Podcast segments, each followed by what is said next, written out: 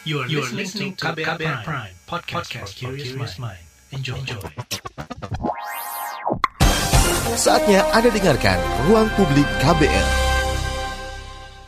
Selamat pagi, kita berjumpa kembali dalam Ruang Publik KBR dan tema pagi hari ini tren buruk penanganan COVID-19 di Indonesia. Saudara, lonjakan kasus COVID-19 di Indonesia dinilai makin mengkhawatirkan. Lonjakan kasus harian pada pekan kemarin mencapai hampir 13 ribu kasus. Tingkat kematian karena COVID-19 dikhawatirkan juga terus meningkat karena keterisian tempat tidur di rumah sakit secara nasional terus meningkat. Sejumlah desakan untuk penguncian wilayah atau lockdown diserukan sejumlah daerah. Lantas, eh, apa rencana pemerintah dalam menekan peningkatan kasus ini? Dan apa saja upaya yang tepat dilakukan dalam mengatasi kenaikan kasus COVID-19? Untuk mengetahui penjelasannya, kita akan simak perbincangan Fitri Anggreni bersama juri bicara vaksinasi Kementerian Kesehatan Siti Nadia Tarmizi dan peneliti lapor COVID-19 Diki Pelupesi. Di segmen ini kita akan menyimak penjelasan juri bicara vaksinasi Kementerian Kesehatan Siti Nadia Tarmizi untuk mengetahui bagaimana upaya penanganan pandemi di Indonesia. Uh, Dokter Nadia, terima kasih untuk waktunya berbincang dengan KBR pagi ini. Uh, kasus COVID di Indonesia sudah tembus 2 juta kasus, bahkan kasus harian seluruh Indonesia sudah ada yang menembus angka 15 ribu per hari. Uh, bisa digambarkan kondisi pasien serta fasilitas kesehatan terkait lonjakan kasus ini, Bu? Ya, uh, jadi kalau kita melihat ya, memang dalam uh, 2 sampai 3 minggu uh, ini kita bisa lihat memang uh, peningkatan kasus yang cukup signifikan ya.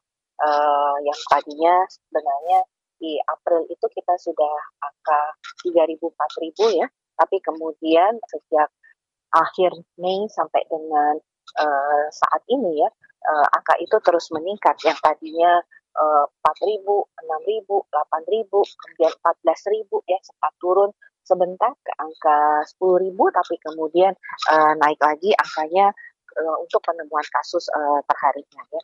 Nah, kalau kita melihat memang uh, beberapa daerah uh, selain uh, kita ketahui ya uh, seperti Kudus dan Bangkalan yang memang telah terjadi peningkatan lebih awal, tetapi saat ini peningkatan uh, jumlah kasus COVID-19 terutama uh, di beberapa provinsi itu uh, terlihat peningkatan yang sangat signifikan ya. Uh, kalau kita uh, melihat dari uh, seperti uh, informasi Wisma Atlet yang terus menambah ruang untuk uh, perawatan isolasi, kemudian juga kita tahu Bandung Raya juga mengalami peningkatan uh, kasus, begitu juga dengan Yogyakarta, begitu juga dengan uh, Surabaya ya dan uh, Kalimantan Barat uh, itu merupakan daerah-daerah yang uh, terjadi peningkatan uh, kasus yang cukup signifikan. Dan uh, dari sana kita juga melihat uh, selain kebutuhan uh, peningkatan tempat tidur untuk isolasi yang terus meningkat di beberapa uh, tempat uh, beberapa provinsi kita juga melihat uh, yang lainnya untuk isolasi dan ICU yang juga meningkat ya. Jadi kalau uh, kita lihat rata-rata uh, untuk keterisian tempat tidur itu angkanya kurang lebih 67 persen. Tetapi kalau kita lihat angka untuk tempat tidur isolasi itu sudah mencapai uh, 70 persen.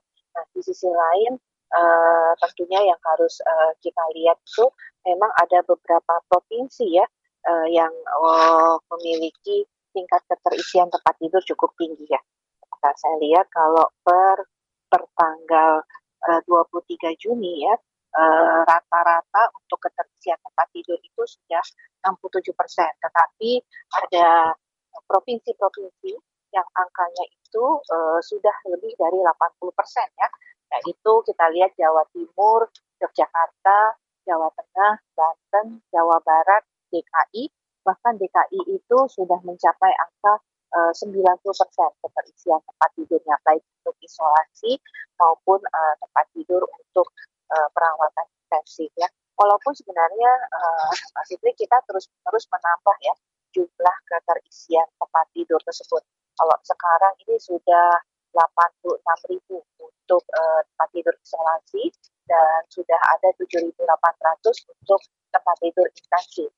Salah satu uh, yang disebutkan sebagai penyebab uh, meningkatnya kasus ini selain uh, mobilitas yang tinggi selama masa libur lebaran kemarin juga karena adanya varian Delta yang katanya tingkat penyebarannya uh, jauh lebih tinggi dari uh, varian yang uh, sebelumnya ada di Indonesia. Bisa dijelaskan dokter?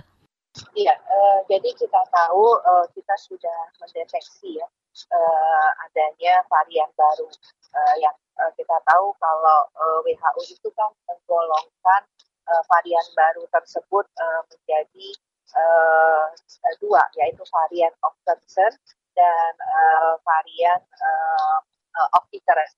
Nah, yang menjadi perhatian kita itu adalah varian of concern ya, karena uh, kalau kita lihat uh, memang varian of concern ini sudah terbukti uh, memberikan dampak uh, terhadap kejadian di dalam masyarakat ya. Kalau uh, kita lihat sampai saat ini sudah 200 varian of concern yang uh, kita uh, deteksi ya, di mana kalau untuk varian uh, ada tiga ya dari empat varian of concern yang ada di dunia yang dikategorikan oleh WHO itu tiga sudah kita deteksi di Indonesia yaitu varian alpha atau yang varian dari Inggris, kemudian varian beta itu atau varian dari Amerika Selatan dan varian uh, delta ya yang dari India atau yang kita sebut B16 Nah memang yang paling banyak ini adalah uh, varian uh, Delta ya. Kalau kita lihat kalau untuk varian uh, uh, Beta sendiri itu hanya enam kasus ya. Kemudian kalau dari uh, varian Alpha itu uh, hanya 47 kasus. Sisanya itu adalah varian dari varian Delta atau varian dari Sebenarnya seperti apa tingkat atau kecepatan tingkat penyebaran varian Delta ini, dokter? Pertama kita tahu bahwa yang uh, varian yang pertama kali lebih cepat menular itu varian alpha ya. Uh, karena dia dikatakan 4 sampai 5 kali lebih cepat menular dibandingkan uh, varian virus COVID-19 yang uh, original atau yang dari Wuhan ya. Nah, si varian delta ini dia ini enam kali lebih cepat dibandingkan si varian alpha tadi. Nah, jadi uh, peningkatan kecepatan penularan dia kan sangat eksponensial ya kalau begitu kalau kita lihat. Jadi yang uh, varian alpha saja sudah tiga empat kali atau lima kali lebih cepat. Ditambah lagi ini enam kali lebih cepatnya. Makanya kita bisa lihat uh, apa yang terjadi kemudian di Kudus, kemudian kalau kita lihat juga mengapa begitu cepat uh, penularan dan peningkatan jumlah uh, di klaster keluarga ataupun juga kemarin kita lihat ada uh, beberapa yang tentunya uh, dalam waktu singkat banyak keluarga uh, seperti di perumahan yang kemudian positif sebagai arus uh, sebagai dampak dari arus mudik ini juga uh, merupakan faktor-faktor yang mengapa kita melihat uh, varian ini uh, berkontribusi terhadap kecepatan penularan tersebut. Bagaimana dengan tingkat keparahan uh, penyakit yang disebabkannya, dokter? Sampai saat ini baik varian alpha maupun varian uh, delta uh, atau varian dari India tersebut uh, dikatakan belum memiliki uh, cukup bukti ya untuk kemudian apakah varian ini uh, meningkatkan tingkat keparahan. Hanya memang varian beta uh, yang kita kebetulan sudah ketemu kasusnya ya, uh, di mana tadi kasus itu uh, dua meninggal ya. Jadi ini uh, sesuai juga dengan apa yang disampaikan oleh WHO bahwa mereka melihat bahwa uh, varian beta ini lebih punya kecenderungan untuk meningkatkan uh, tingkat keparahan penyakit. Dan bagaimana dengan uh, tingkat uh, efektivitas vaksin yang sudah dan akan diterima masyarakat menghadapi varian-varian baru ini, dokter? Ya, jadi uh, kita tahu juga sudah ada beberapa studi ya yang uh, kemudian uh, disampaikan bahwa proteksi terhadap uh, beratnya atau tingkat keparahan penyakit serta kematian itu masih sangat tinggi pada vaksin uh, vaksin misalnya AstraZeneca atau Pfizer ya. Dan kita bisa lihat juga uh, vaksin yang uh, kita gunakan vaksin Sinovac ya uh, banyak uh, tenaga kesehatan yang kemudian uh, terinfeksi uh, positif tetapi uh, gejalanya ringan ya. Jadi hampir 90% itu gejalanya ringan dan tidak butuh uh, perawatan di rumah sakit ya uh, pada kasus-kasus tertentu. Tapi uh, ini yang tentunya uh, kita lihat juga uh, WHO dalam rekomendasinya juga mengatakan bahwa dalam menghadapi varian baru ini kita perlu mempercepat uh, vaksinasi karena dengan mempercepat vaksinasi ini kita bisa lebih uh, membatasi ya uh, mutasi daripada virus tersebut. Jadi uh, dikatakan tetap vaksin-vaksin yang ada saat ini apa pun juga mereknya ini masih sangat efektif untuk bisa menekan laju penularan varian baru. Jadi uh, justru kita harus percepat vaksinasi untuk mencegah munculnya nanti varian-varian berikutnya ya seperti itu. Nah, kalau uh, untuk update vaksin uh, proses vaksinasi sendiri seperti apa, dokter? Ya, kalau uh, kita melihat uh, per uh, tanggal uh, 24 Juni dari uh, data yang kita miliki terkait uh, cakupan vaksinasi, uh, kita tahu bahwa saat ini sudah uh, vaksinasi yang diberikan kepada tenaga kesehatan itu sudah uh, mencapai angka uh, 100 persen 1,5 juta. Untuk pemberi pelayanan publik juga sudah 18,5 juta yang mendapatkan vaksinasi dan untuk lansia ini mendapat yang sudah mendapatkan vaksinasi sebanyak 4,5 juta. Jadi total yang sudah mendapatkan dosis pertama itu sebanyak 24,5 juta uh, dosis dan yang sudah mendapatkan dua dosis orang yang sudah mendapatkan dua dosis itu sebanyak 12,6 juta. Jadi total uh, jumlah vaksin yang sudah kita berikan itu mencapai 37,1 dosis ya per tanggal 23 eh, Juni eh, kemarin. Jangan ke mana-mana setelah jeda, ruang publik akan kembali. Masih Anda dengarkan Ruang Publik KBR. Commercial break. Commercial break. Transfer ke sini udah, bayar ini juga udah. Ke gue udah. Heh, Allah, pertumbuhan ekonomi tuh lagi melambat, persis kayak tabungan gue.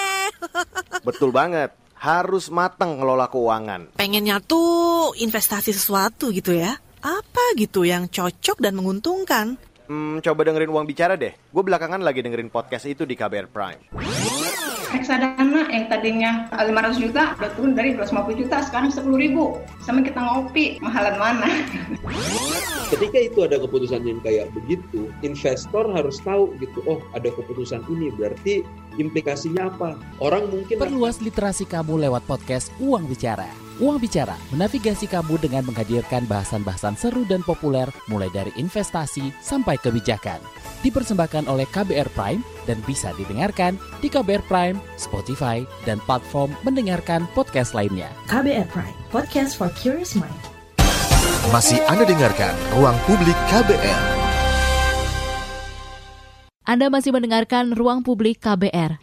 Masih bersama juri bicara vaksinasi Kementerian Kesehatan, Siti Nadia Tarmizi.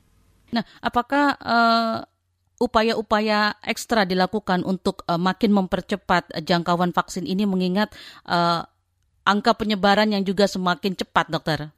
Ini uh, salah satu uh, upaya kita untuk menekan laju penularan yang terjadi di beberapa provinsi ya, uh, seperti Jakarta dan di uh, Jawa Barat, uh, juga di uh, Jawa Timur, uh, serta di Kudus ya.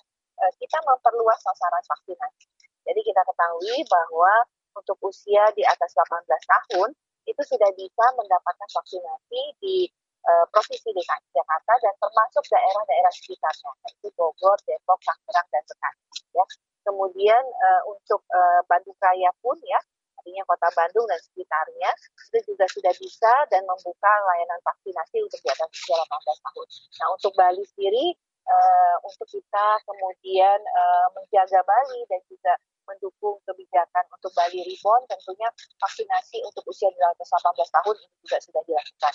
Nah, untuk Kudus dan Bangkalan juga uh, kemarin karena kasusnya sempat uh, melonjak tinggi, ini vaksinasi juga dipercepat di daerah-daerah ini. Jadi pada daerah-daerah yang tadi berpotensi untuk peningkatan kasus, vaksinasi kita lakukan perluasan bukan hanya sampai dengan usia di atas 50 tahun ya, tetapi juga uh, sudah dilakukan untuk seluruh masyarakat uh, di atas usia 18 tahun. Nah nanti di bulan Juli uh, kita akan uh, seluruh provinsi lainnya itu akan uh, bisa memberikan vaksinasi uh, di atas usia uh, 18 tahun. Apakah uh, percepatan juga dilakukan dengan uh, vaksin gotong royong? Ini seperti apa update-nya, dokter? Ya, salah satu uh, upaya untuk menambah uh, vaksinasi uh, yang merupakan juga uh, usulan ya daripada kalangan dunia usaha untuk membantu pemerintah adalah pelaksanaan vaksinasi gotong royong. Kita tahu bahwa vaksinasi gotong royong ini kan kemarin sudah dimulai di tanggal 18 Mei ya, dan uh, ini sedang berprogres karena kurang lebih uh, sudah ada uh, eh, 2 juta vaksin Sinovac ya yang uh, nanti akan kita gunakan untuk uh, pelaksanaan vaksinasi gotong royong ya. Nah, uh, memang uh, antusiasme yang besar dari berbagai uh, kalangan dunia usaha yang untuk mendapatkan vaksinasi ini sehingga kalau kami tidak tersalah ada 8.000 uh, sudah perusahaan ataupun UMKM yang mendaftarkan di Kadin ya dan Bio Farma tetapi uh, saat ini yang kita dapatkan konfirmasi untuk mendapatkan vaksin itu baru 7,5 juta uh, vaksin ya, tujuh setengah juta vaksin ya. Artinya uh, dan kita sudah menerima kurang lebih 2 juta vaksinnya ya. Nah ini sedang berproses untuk juga uh, menambah kecepatan uh, kita dalam uh, memberikan vaksinasi kepada masyarakat. Bagaimana dengan stok uh, untuk program vaksinasi pemerintah sendiri, dokter? Uh, kemarin kita baru saja menerima vaksin Sinovac ya uh, pada hari Minggu yang lalu sebanyak 10 juta dan itu tentunya semakin um, ya stok vaksin yang ada di kita ya. Uh, artinya kalau kita lihat bahwa uh, sudah ada total uh, 104,7 juta dosis yang ada di Indonesia ini uh, sudah kita terima ya dan tentunya uh, dari 104,7 tadi kita tahu uh, 94 jutanya itu adalah dalam bentuk uh, dosis dari Sinovac baik dalam bentuk bulk yang 3 juta dalam bentuk jadi yang 91,5 dalam bentuk bulk ya. Sementara AstraZeneca sendiri kita sudah punya 8,2 juta dan Sinovac seperti yang saya sampaikan tadi sudah uh, kita miliki uh, sebanyak 2 juta uh, dosis ya. Jadi kalau kita melihat uh, total dari uh, angka ini berarti kita punya hampir 60 eh, juta dosis ya eh, vaksin ya. Di tengah meningkatnya kasus ini dokter ada banyak yang meng-share informasi mengenai obat Invermectin yang katanya obat COVID-19. Informasinya seperti apa sebenarnya dokter? Apakah ini memang obat untuk COVID atau obat untuk mencegah perburukan kondisi pasien sebenarnya? Kalau kita melihat ya bahwa uh, pada prinsipnya Kementerian Kesehatan kan uh, kita sangat terbuka terhadap berbagai uh, upaya uh, untuk uh, penanggulangan uh, COVID-19 ini ya. Apalagi di saat ini kalau kita lihat uh, peningkatan laju uh, COVID kan juga cukup tinggi ya. Dan kita tahu bahwa memang ada beberapa penelitian-penelitian dan ada negara-negara yang sudah menggunakan uh, obat ivermectin ini uh, dalam rangka pengobatan COVID-19. Karena kita tahu ya bahwa sebenarnya kan uh, COVID-19 ini sampai saat ini belum ada obatnya ya, uh, Siti. Jadi uh, semua acara untuk kemudian uh, bisa menambah tentunya atau uh, mengupayakan kesembuhan itu kita uh, lakukan ya. Jadi uh, kalau kita lihat uh, ivermectin ini kalau uh, merujuk tentunya apa yang sudah uh, dikeluarkan oleh Badan POM, uh, Badan POM memberikan uh, ivermectin ini uh, sebagai pengobatan untuk obat cacing. Tetapi uh, tentunya obat ivermectin ini uh, tetap bisa digunakan di dalam terapi untuk uh, COVID-19, tetapi harus berada di bawah pengawasan dokter. Jadi penggunaannya ini uh, ditentukan uh, dosisnya, jumlah hari untuk meminumnya itu uh, berdasarkan uh, tentunya pertimbangan uh, dari uh, para dokter, artinya pertimbangan dari ahlinya ya seperti itu. Jadi memang obat ini bukan obat yang diperuntukkan untuk uh, secara bebas dan penggunaannya seperti apa itu kita serahkan kepada uh, dokter yang tentunya memiliki Uh, pertimbangan profesional. Masih terkait dengan uh, cepatnya angka penyebaran varian yang baru ini, ada uh, terkait dengan penggunaan masker, dokter. Ada yang menyebut bahwa masker kain saja tidak cukup dan saat ini kita harus beralih menggunakan uh, masker medis dan bahkan uh, memakai dua lapis masker. Itu seperti apa, dokter? Ya, jadi uh, memang uh, di sana tingkat penularannya ini sangat tinggi. Ini yang pertama ya. Kedua, uh, kecepatan penularannya ya karena tadi kan disampaikan bahwa varian ini uh, lebih cepat menular ya, bahkan di uh, Australia itu dikatakan dengan berpapasan saja sudah bisa uh, memungkinkan seseorang untuk tertular varian baru ini ya. Jadi dengan kondisi seperti ini tentunya uh, masker medis uh, tidak cukup ya.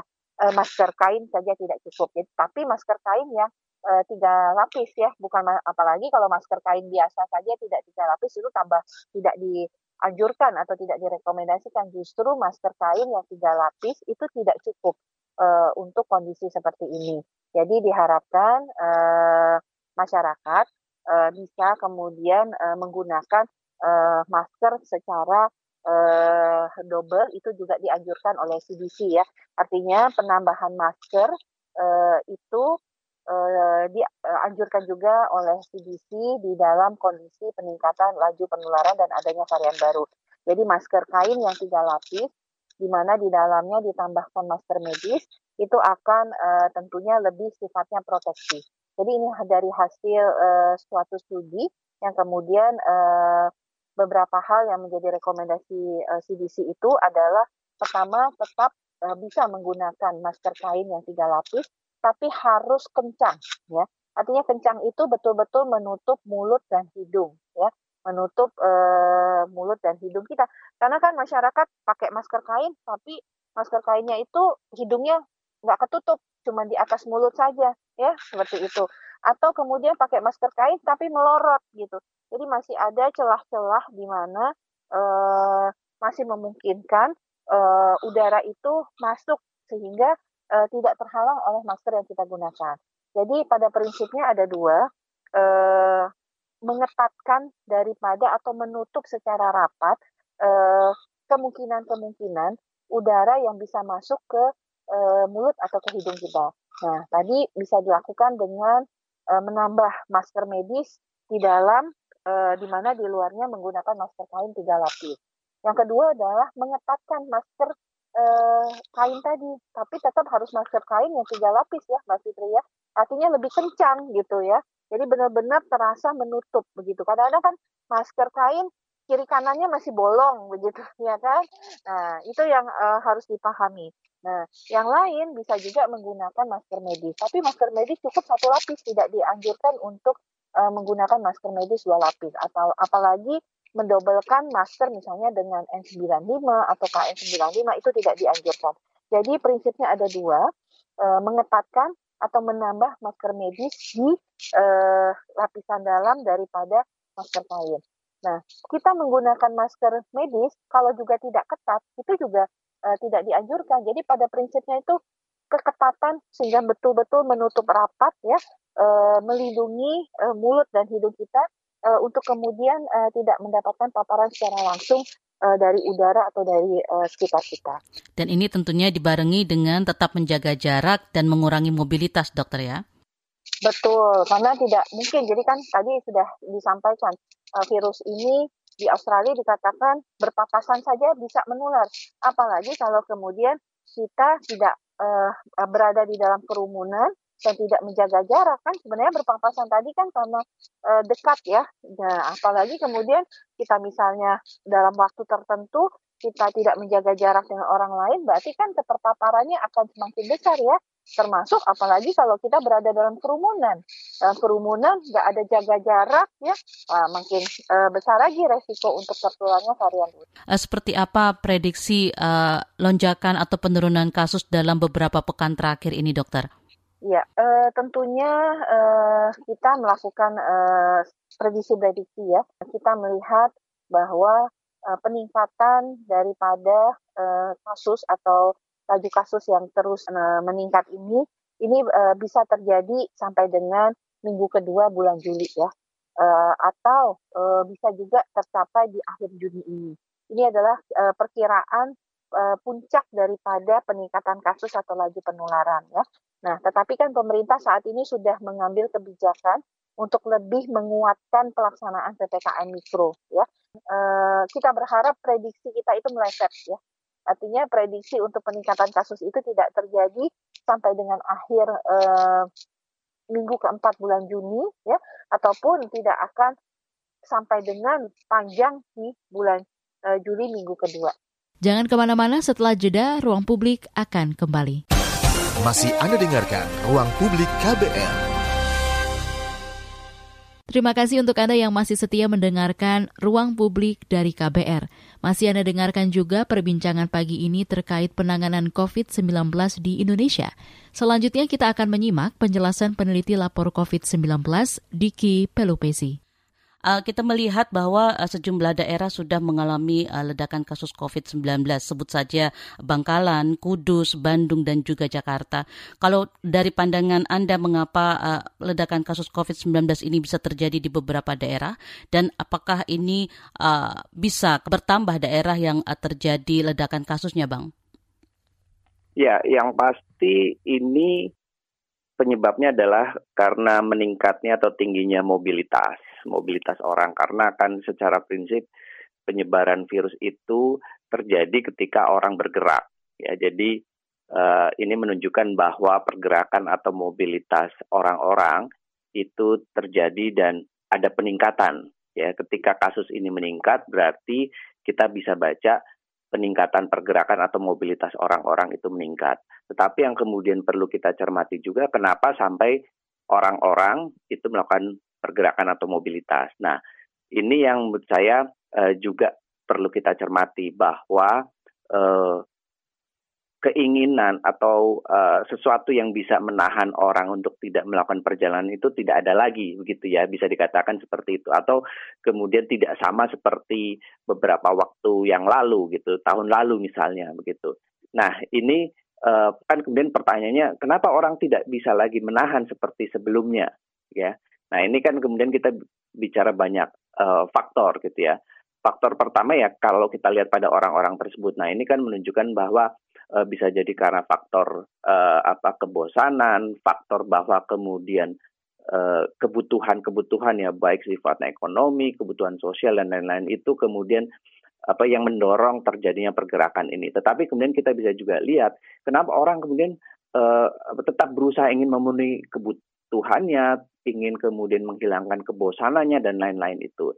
Nah, pertanyaan beri, uh, dan itu bisa dijawab bahwa uh, berarti ada sesuatu yang tidak bisa menghambat mereka, gitu ya. Karena kan kita bicara bahwa ini bukan hanya faktor uh, pada orang-orang tersebut, tetapi bagaimana kemudian sistem atau mekanisme atau struktur yang di luar orang-orang uh, tersebut tidak mampu menahan. Nah, ini kan kemudian kita juga bicara artinya uh, uh, kebijakan dan implementasi kebijakan yang kemudian membuat apa orang tidak bisa menahan diri untuk untuk apa bergerak dan itu kita bisa baca juga um, kenapa sampai orang merasa bahwa uh, ya ini situasi situasi darurat ya situasi uh, krisis tapi kemudian uh, tidak dianggap seperti demikian. Nah ini kan mungkin kita berbicara soal apakah ini sense of crisisnya uh, berkurang atau bagaimana. Nah sense of crisis itu kan kemudian bukan hanya dibentuk oleh pikiran orang ya tetapi kemudian bagaimana pikiran orang itu kemudian terbentuk karena misalnya apa eh, pemerintah apa bisa bisa menunjukkan bahwa ini situasi krisis situasi yang kemudian kita harus menahan diri nah ini kan uh, ini ini satu situasi besar yang harus kita lihat uh, secara menyeluruh begitu. Jadi kita tidak bisa hanya menyalahkan loh ini karena pergerakan dan ini artinya orang-orangnya nih yang apa kemudian apa bersalah karena karena uh, pergerakan itu karena mobilitas itu. Jadi ini uh, kita harus melihat bahwa ini apa banyak faktor yang menyumbang kemudian terjadi uh, pergerakan atau mobilitas itu. Nah, memang kalau kita lihat uh, kasusnya saja ya tadi seperti saya sampaikan, ini kan menular, menular karena kemudian terjadi pergerakan. Iya, berarti memang pergerakan tetapi kita harus lihat lebih jauh kenapa kemudian orang tetap melakukan mobilitas. Demikian, Mbak. Uh, jadi uh, apa namanya uh, kalau bisa saya simpulkan bahwa sense of crisis itu uh, sampai saat ini belum terbangun uh, di masyarakat kita dan juga pemerintah kita, begitu bang? Iya, iya, menurut saya itu betul. Karena itu yang kemudian akan bisa mem membuat kita apa uh, melihat bahwa ini krisis dan kita harus menyesuaikan uh, apa semua perilaku kita, semua implementasi kebijakan uh, karena kemudian kita berhadapan dengan krisis. Ya, karena menurut saya kemudian ini tidak konsisten dibangun uh, uh, apa bahwa situasi ini adalah situasi krisis. Jadi uh, sense of crisis itu kan kemudian harus dibangun konsisten. Nah, salah satu yang bisa membangun uh, apa sense of crisis ini dirasakan secara konsisten, secara kemudian apa uh, ajak gitu ya kita merasakan bahwa ini krisis ya salah satu adalah yang disebut dengan komunikasi uh, risiko dan krisis gitu ya uh, crisis communication atau risk communication gitu apa uh, komunikasi uh, publik ya uh, dan ini yang uh, menurut saya juga harus kita baca bahwa kemudian uh, kalau kita melihat nih ya uh, kebijakan itu sering kali kemudian tidak konsisten ya. Uh, dan ini kan kebijakan tuh sebenarnya kita bisa lihat kebijakan nasional kebijakan daerah dan ini semua harus nyambung. Dan kemudian siapa pelaksana kebijakan itu? Orang-orang yang kemudian apa atau bagian-bagian yang melaksanakan kebijakan uh, itu siapa gitu. Dan itu harus kemudian satu tuh antara yang dikomunikasikan, yang diimplementasikan ya. Uh, kebijakan itu kemudian kita bicara soal implementasi, kita bicara soal pengawasan, bicara soal apa memastikan uh, itu dilaksanakan oleh semua orang, oleh semua pihak gitu. Jadi menurut saya uh, apa sense of crisis itu uh, kurang terbangun karena kemudian uh, komunikasi mengenai resiko, komunikasi mengenai situasi saat ini uh, dirasakan uh, tidak tidak konsisten gitu ya dan ini apa kita kita harus melihatnya itu apa secara secara utuh ya gitu bahwa uh, antara pusat dan daerah harus menyambung gitu ya harus jadi satu kesatuan gitu. Belum lagi kemudian antara yang di apa uh, sampaikan dengan yang diimplementasikan itu juga harus satu. Plus terus kemudian kita juga bicara bahwa uh, pelaksanaan ini harus diawasi gitu. Dan ini apa menurut saya uh, kita uh, perlu perlu apa ya perlu merefleksikan ini bahwa uh, sense of crisis itu tidak terbangun karena kemudian apa soal komunikasi soal kemudian implementasi kebijakan pusat daerah pemimpin dengan apa uh, bawahannya, uh, pemimpin dengan warga, ini semua harus jadi satu kesatuan. Begitu Mbak Fitri. Ada beberapa upaya yang sebenarnya sudah dilakukan oleh pemerintah, antara lain mengenalkan uh, 5M, protokol kesehatan, juga ada PPKM yang uh, sudah berlangsung berjilid-jilid dan juga ada vaksinasi. Seperti apa langkah-langkah uh, ini harus dioptimalkan supaya uh, bisa meredam kenaikan kasus yang saat ini sedang terjadi, Bang? Oke, okay.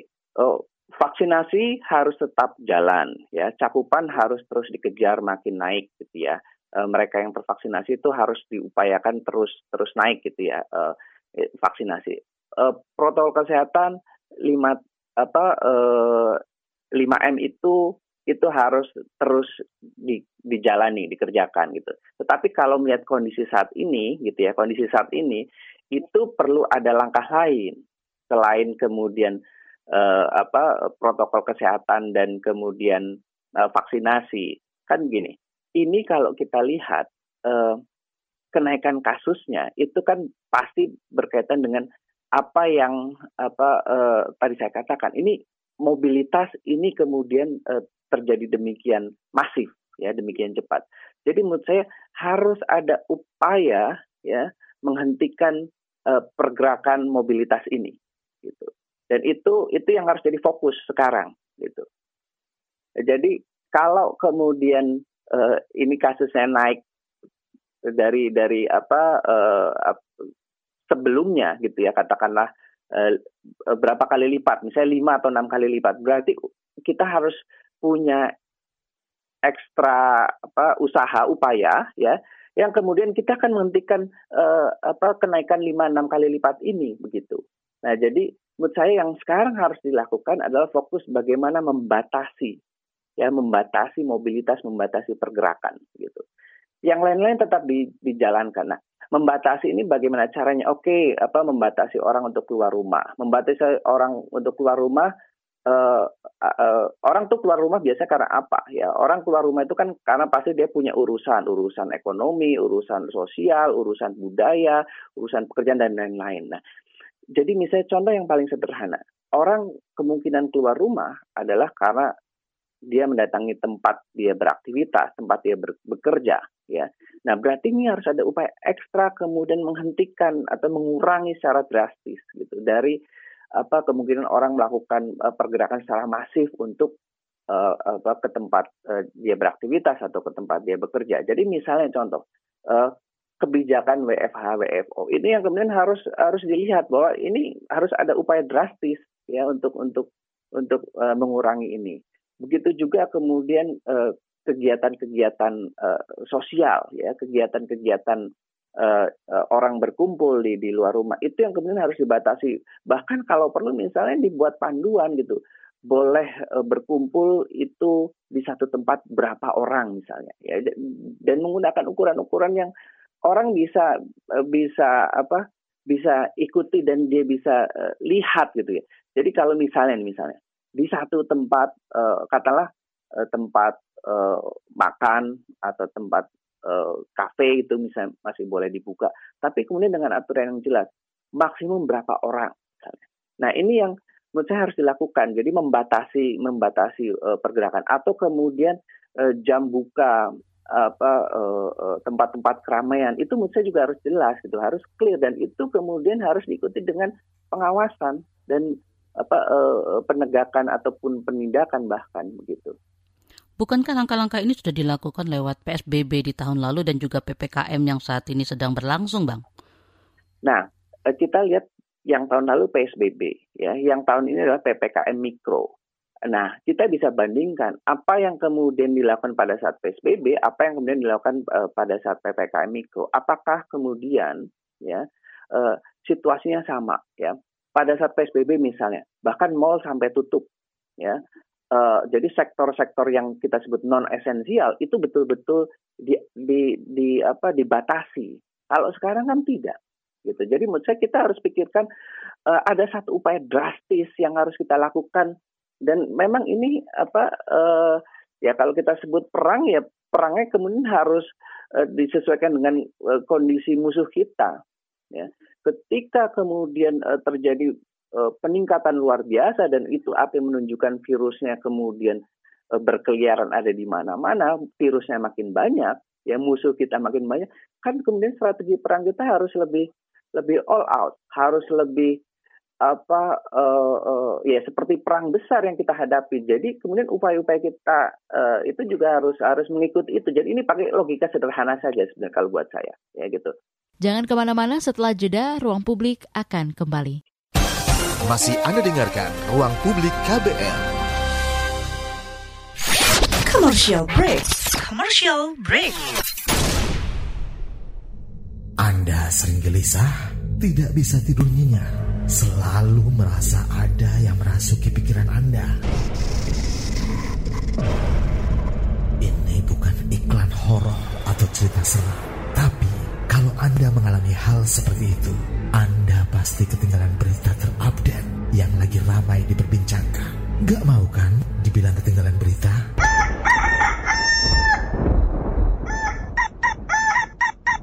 Makanya dengerin KBR Pagi, siaran pagi radio paling update menghadirkan narasumber yang terpercaya dan kredibel. Banyak lagu-lagu dari zaman old sampai zaman now. Setiap hari Senin sampai dengan Jumat mulai pukul 7 sampai 8 waktu Indonesia Barat. Bisa didengerin dari Aceh hingga Papua. Cukup satu jam saja untuk membuat kamu tetap update. Woi, ayam siapa nih? Berisik, saya mau dengerin kabar pagi. Masih Anda dengarkan Ruang Publik KBR. Kita tiba di bagian akhir ruang publik KBR hari ini. Dan bagi Anda yang tidak sempat mendengarkan siaran ini secara utuh, bisa mendengarkannya kembali di podcast kbrprime.id lalu pilih ruang publik. Pada segmen ini kita masih akan membahas upaya penanganan COVID-19 di Indonesia. Bersama peneliti lapor COVID-19 Diki Pelupesi. Ya, ketika kemudian uh, terjadi peningkatan luar biasa dan itu apa yang menunjukkan virusnya kemudian uh, berkeliaran ada di mana-mana, virusnya makin banyak, ya musuh kita makin banyak, kan kemudian strategi perang kita harus lebih lebih all out, harus lebih apa uh, uh, ya seperti perang besar yang kita hadapi. Jadi kemudian upaya-upaya kita uh, itu juga harus harus mengikuti itu. Jadi ini pakai logika sederhana saja sebenarnya kalau buat saya ya gitu. Ketika uh, virusnya makin berkeliaran, ya transmisinya bisa ada di mana-mana, ya. Dulu kan di zaman PSBB, oke, okay, kita kenal klaster pasar, oke, okay, berarti transmisinya di pasar. Kemudian kita kenal klaster uh, uh, perkantoran, berarti transmisinya di perkantoran.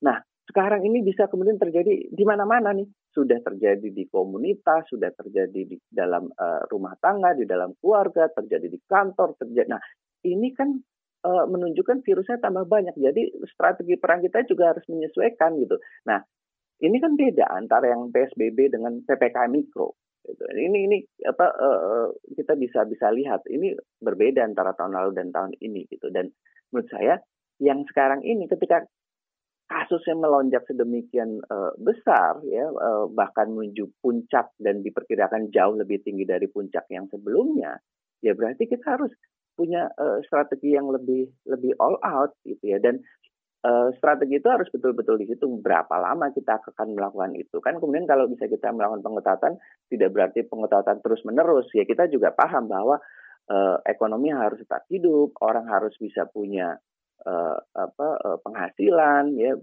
tetap kemudian bisa bisa menghidupi keluarganya dan sebagainya. Nah, ini yang kemudian menurut saya harus uh, uh, dihitung juga gitu. Apakah kemudian ini kita perlu lakukan dua minggu, tiga minggu, satu bulan, dua bulan atau atau berapapun gitu. Jadi menurut saya ini harus uh, strateginya tuh uh, satu lebih lebih apa lebih kuat gitu ya gitu uh, dan kemudian perlu ada hitungan-hitungannya Demikian Mbak Fitri. Lapor COVID uh, juga menggagas mem, uh, petisi untuk lockdown ya Bang ya. Apakah Betul, ya, ya. ini yang melatar belakangi uh, uh, petisi ini digagas Bang? Betul, betul, betul. Kebetulan saya kan bagian dari lapor COVID dan saya juga ikut menandatangani petisi itu. Jadi sebetulnya tadi ya uh, menggunakan logika virusnya makin banyak, bertransmisi di mana-mana, maka yang kemudian harus dilakukan adalah mencegah pergerakan orang. Ya, mengurangi pergerakan orang. Sebetulnya uh, apa ya tadi apa virus itu kemudian dia bertambah banyak ya pergi ke mana-mana ketika orang ikut uh, ke mana-mana gitu. Nah jadi maka lockdown ini ya atau uh, pengetatan atau pembatasan pergerakan orang dari satu wilayah ke, wilayah lain yang lebih ketat ya, yang lebih ketat itu harus uh, dilakukan memang. Tapi ada juga yang mengatakan bahwa uh, sudah terlambat untuk uh, melakukan lockdown sekarang, Bang. Apakah benar demikian? Uh, menurut saya tidak. Menurut saya tidak. Uh, kita juga bisa belajar dari tempat-tempat lain, dari negara-negara lain ya. Kan uh, itu juga dilakukan. Misalnya, oke, okay, sempat ditutup ya, uh, terus kemudian terjadi kebocoran virusnya uh, dan orang udah sempat apa relax ya, uh, terus kemudian uh, uh, apa ketika ada orang datang dari luar terus uh, membawa virus, virusnya kemudian berkembang lagi, menyebar lagi, kemudian dilakukan pengetatan lagi. Menurut saya ini uh, tidak tidak masalah ya gitu. Dan menurut saya tidak terlambat. Dan apalagi kalau saya melihat nih ya secara geografis kita itu kan apa ada pulau-pulau, Pulau Jawa, Pulau Sumatera dan sebagainya. Dan ini bisa diidentifikasi ya. Mana yang kemudian uh, apa uh, tempat di mana virus itu makin banyak uh, bertransmisi ya. Buat saya sebenarnya sekarang opsi bahwa misalnya yang kita lakukan adalah lockdown atau karantina itu khusus Pulau Jawa gitu ya. Mencegah kemudian virus itu apa bertransmisi keluar Pulau Jawa gitu. Jadi uh, kita juga harus punya strategi uh, lockdown atau karantina wilayah itu ya nggak perlu juga satu Indonesia gitu. Tetapi kita bisa lihat wilayah-wilayah yang kemudian apa menjadi apa tempat penyebaran uh, virus ini. Dan menurut saya uh, tidak ada kata terlambat ya strategi masih bisa dijalankan ya kita bisa kemudian apa fokus misalnya pada Pulau Jawa ya karena kemudian daerah-daerah yang apa uh, banyak uh, sekarang uh, virusnya dan apalagi ditambah dengan varian-varian yang baru itu di Pulau Jawa ya kenapa tidak Pulau Jawa itu yang kemudian ditutup dan dilakukan pengetatan jauh lebih ketat itu. Petisi ini nantinya akan uh, diapakan Bang setelah terkumpul nantinya? Ya tentu ini akan kita uh, suarakan ya. Kemarin kan udah disuarakan ya kita buat uh, uh, apa webinar, konferensi pers ya. Ya ini tentu nanti uh, kita akan terus suarakan bahwa ini terus makin banyak orang yang apa setuju sepakat ya ikut menandatangani petisi ini ya tentu nanti kita sampaikan ke Kementerian kesehatan ya ke, ke KPCPN ke Satgas jadi ya intinya kita akan uh, terus uh, suarakan kita infokan bahwa ini ada uh, suara yang juga ikut mendukung ide atau gagasan untuk melakukan uh, lockdown ini. Kalau dalam perkiraan lapor COVID sendiri, uh, kasus uh, peningkatan kasus yang terjadi saat ini, apakah uh, masih terus akan meningkat atau sudah menca akan mencapai puncak dan akan segera menurun, Bang? Seperti apa? Kalau kami sendiri atau saya sendiri kan apa saya tidak punya latar belakang untuk apa melakukan uh, penghitungan atau kemudian proyeksi gitu ya apa hitung-hitungan epidemiologis lah gitu. Tetapi kan kemudian kita uh, juga tahu uh, apa uh, ada juga apa pihak-pihak yang melakukan uh, proyeksi uh, perkiraan gitu ya. Ya memang kalau melihat sekarang kecenderungan itu masih terus akan naik gitu dan kita uh, uh, tidak menghitung, tidak tahu persis ini akan akan kapan nih puncaknya. Tapi kan kita tahu juga ada yang sempat apa memperkirakan uh, pemerintah sendiri bahkan akhir Juni ini adalah puncaknya. Tapi ya uh, kita lihat. Tetapi yang pasti ya, yang pasti hari ini nih kita bicara yaitu hari uh, uh, Senin ya uh, itu uh, kasus menunjukkan terus terus meningkat gitu. Dan uh, peningkatan itu terjadi uh, secara lebih cepat dibandingkan dengan apa peningkatan uh, proses jalannya naik uh, kasus uh, uh, bulan Februari ya. Jadi kan kita pernah uh, mencapai puncak sebelumnya itu di bulan Februari 2021 gitu.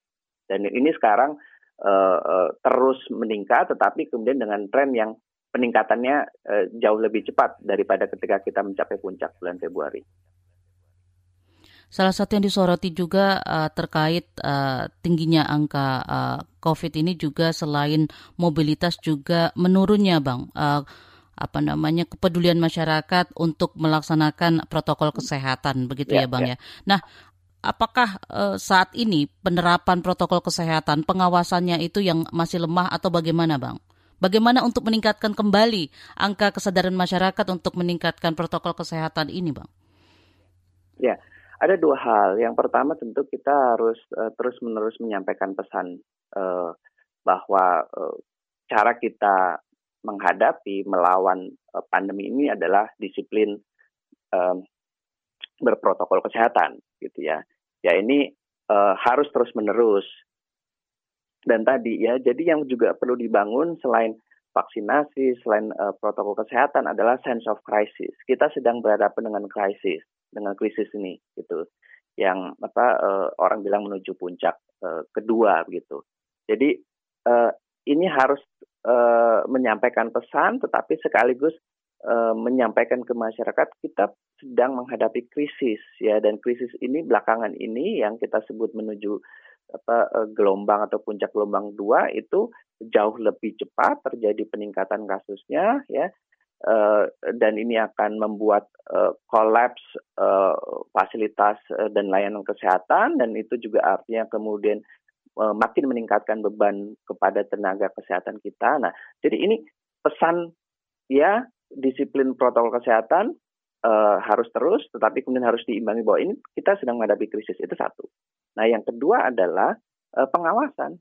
Ya, jadi uh, kebijakan itu harus diikuti dengan implementasi dan implementasi itu harus diiringi dengan pengawasan. Jadi kalau perlu ada upaya-upaya uh, penindakan ya dan penindakan itu apa bukan hanya misalnya warga saja yang ditindak ketika kemudian warga ketahuan uh, tidak tidak menjalankan uh, protokol kesehatan, tidak menjalankan apa apa yang seharusnya dilakukan tetapi juga siapa pun gitu ya dan ini harus harus beriringan antara mengkampanyekan protokol kesehatan sekaligus membangun kesadaran bahwa ini kita sedang berhadapan dengan situasi krisis. Kedua adalah uh, pengawasan dan penindakan kalau perlu dan itu kepada siapa pun. Apa yang perlu ditegaskan kembali oleh lapor COVID-19 untuk pemerintah dalam mengatasi uh, pandemi COVID-19 ini, Bang?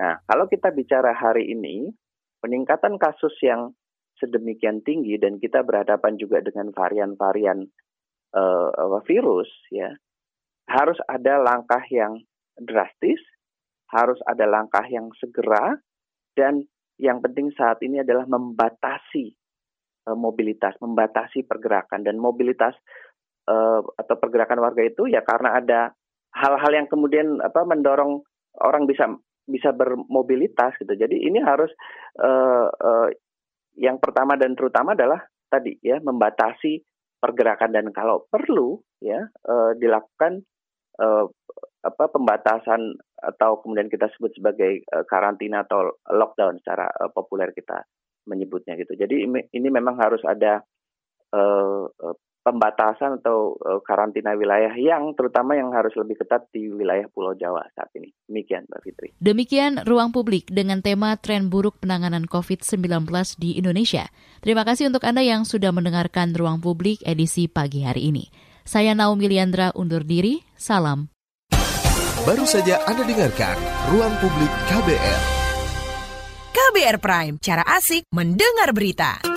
KBR Prime, podcast for curious mind.